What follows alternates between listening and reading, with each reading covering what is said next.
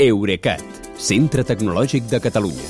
Innovant amb les empreses. Innovant amb tu. Albert Cuesta, bona nit. Bona nit, Kilian. Resulta, Albert, que Instagram diu que fa canvis per promoure el contingut original, però tu tens una altra explicació.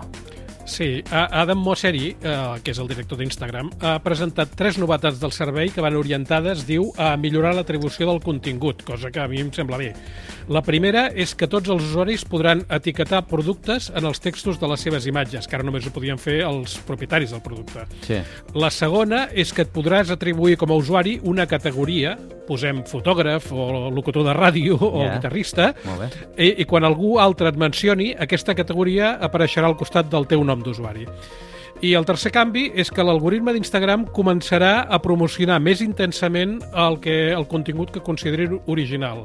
Aquest home en Mosseri diu que si has creat alguna cosa especialment per a l'ocasió, et mereixes més, visibil més visibilitat que si t'has limitat a republicar material d'altra gent, que és un clàssic. Ja, sona bé, sona bé, Sí. però tu ho interpretes d'una manera diferent, eh? Sí, eh, aviam, a cal Instagram eh, està clar que els fa molta ràbia que els usuaris pugin a la funció Reels de vídeos breus d'Instagram els mateixos vídeos que han gravat a TikTok, fins i tot eh, sense treure el logotip d'allà. Això és cert. Sí, perquè amb això estan fent promoció de la competència, clarament.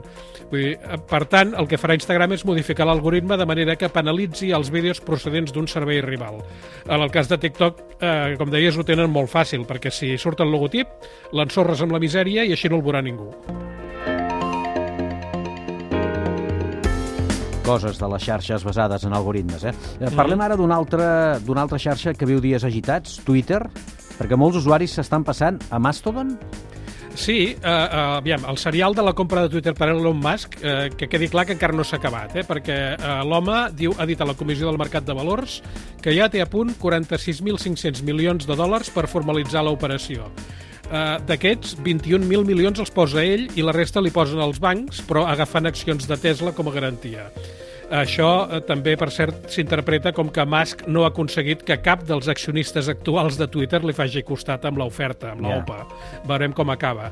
Mentrestant, el que tenim en marxa és un fenomen col·lateral interessant, aquest que deies, que és que la xarxa social Mastodon, que per qui no la conegui és una mena de Twitter descentralitzat i no comercial amb funcions més avançades que les de Twitter, eh, ha anunciat que ha rebut una, una llau d'altes noves des que Musk va fer pública la seva intenció de comprar Twitter. I, de fet, el perfil oficial de Mastodon a Twitter va piular alguna cosa així com que som la xarxa social de la que Elon Musk no té un 9,2% perquè no tenim afany de lucre. Curiós. Sí, això dir-li a Twitter té una certa gràcia. Val a dir que Mastodon té 4 milions i mig d'usuaris, que són una misèria davant els més de 300 milions que té Twitter, però també que la xarxa Truth Social, que és la que Donald Trump va crear quan les grans plataformes el van fer fora, fa servir precisament el mateix protocol que Mastodon. Però fins ara aquesta xarxa de tram ha estat un fracàs. Uh, sí, perquè el que se'n diu al discurs públic continua estant a Twitter més que a cap altre lloc.